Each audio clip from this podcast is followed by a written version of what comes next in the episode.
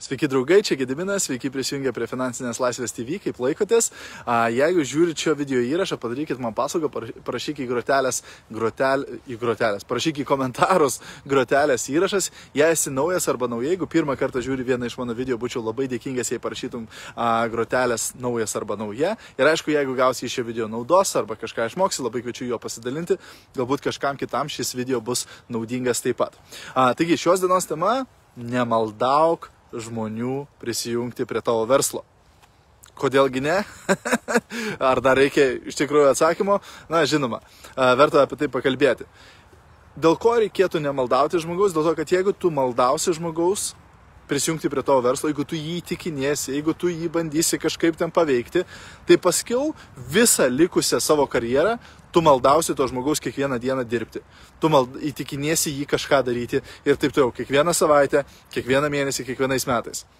Tau tai skamba kaip kažkas, ką tu norėtum daryti kiekvieną mėnesį, kiekvieną savaitę? Tikriausiai ne. Būtent mūsų darbas yra neįtikinėti žmonės prisijungti prie tinklinio marketingo. Mūsų darbas yra neįtikinėti žmonės pirkti mūsų produktus. Mūsų darbas yra rūšiuoti žmonės. Ką tai reiškia? Reiškia rasti žmonės, kurie jau nori papildomai užsidirbti. Rasti žmonės, kurie jau nori kažko kito savo gyvenime. Rasti žmonės, kurie jau nori sukurti savo verslą. Rasti žmonės, kuriems jau reikia naudos, kurią duoda tavo produktas arba paslauga. Ir tokių žmonių tada nereikia įtikinėti, nes jie jau nori, jie jau ieško to, ką tu turi jiems pasiūlyti. Tai yra kur kas lengvesnis, greitesnis ir paprastesnis būdas plėsti savo verslą, negu įtikinėti žmonės, kurie priešinasi, kurie spardosi, kurie uh, visiškai nenori daryti to, ką tu jiems siūlai daryti. Kur kas efektyviau. Rūšiuoti žmonės. Kaip sako, įsivaizduok, jeigu tavo užduotis būtų rasti penki žmonės, kurių vardas Jonas ir tu už tai gauni tūkstantį eurų.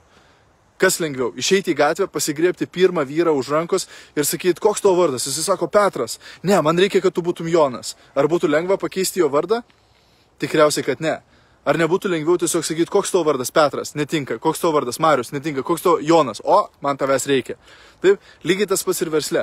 Mums reikia ieškoti žmonių, kurie jau nori kažko, kurie jau ieško kažko ir tada mums nereikia jų įtikinėti, mums nereikia jų prievartauti. Jie patys tada noriai dirba, jie patys noriai mokinasi, jie patys klausia klausimus, tau nereikia jų vaikytis, tau nereikia jų ieškoti kiekvieną dieną. Kur kas paprasčiau, ar ne, draugai? Tai va, toks patarimas šiandien. Jeigu buvo naudingas, kaip visada, labai prašau pasidalink šio video. Ir taip pat, draugai, kviečiu jūs į mokymų programą, mokymų seminarą šio mėnesio 27 dieną nuo 19 val. Lietuvos laiku sveikatos ir grožio verslo formulė, kurios metu, šio seminaro metu pasidalinsiu daug, daug, daug naudingų strategijų apie marketingą. Būtent kaip save pateikti socialinėje erdvėje, kaip kurti turinį, kaip daryti video, apie ką šnekėti, kaip pritraukti auditoriją, kaip pritraukti klientus, verslo partnerius ir taip toliau. Bus daug, daug daug, daug naudingos informacijos ir taip pat gausi bonusą klausimų ir atsakymų sesiją po to. Ir taip pat dar vieną bonus mokymą, būtent turinio kūrimo a, seminaras, trijų dalių seminaras, kur dar išmoksi daugiau apie turinio kūrimą, apie a, efektyvų pateikimą informacijos ir taip toliau. Tai va, įdėsiu nuorodą į komentarus su visa informacija, jeigu įdomu, a, būtinai prisijung, lauksiu tavęs 27 spalio. Iki, čia.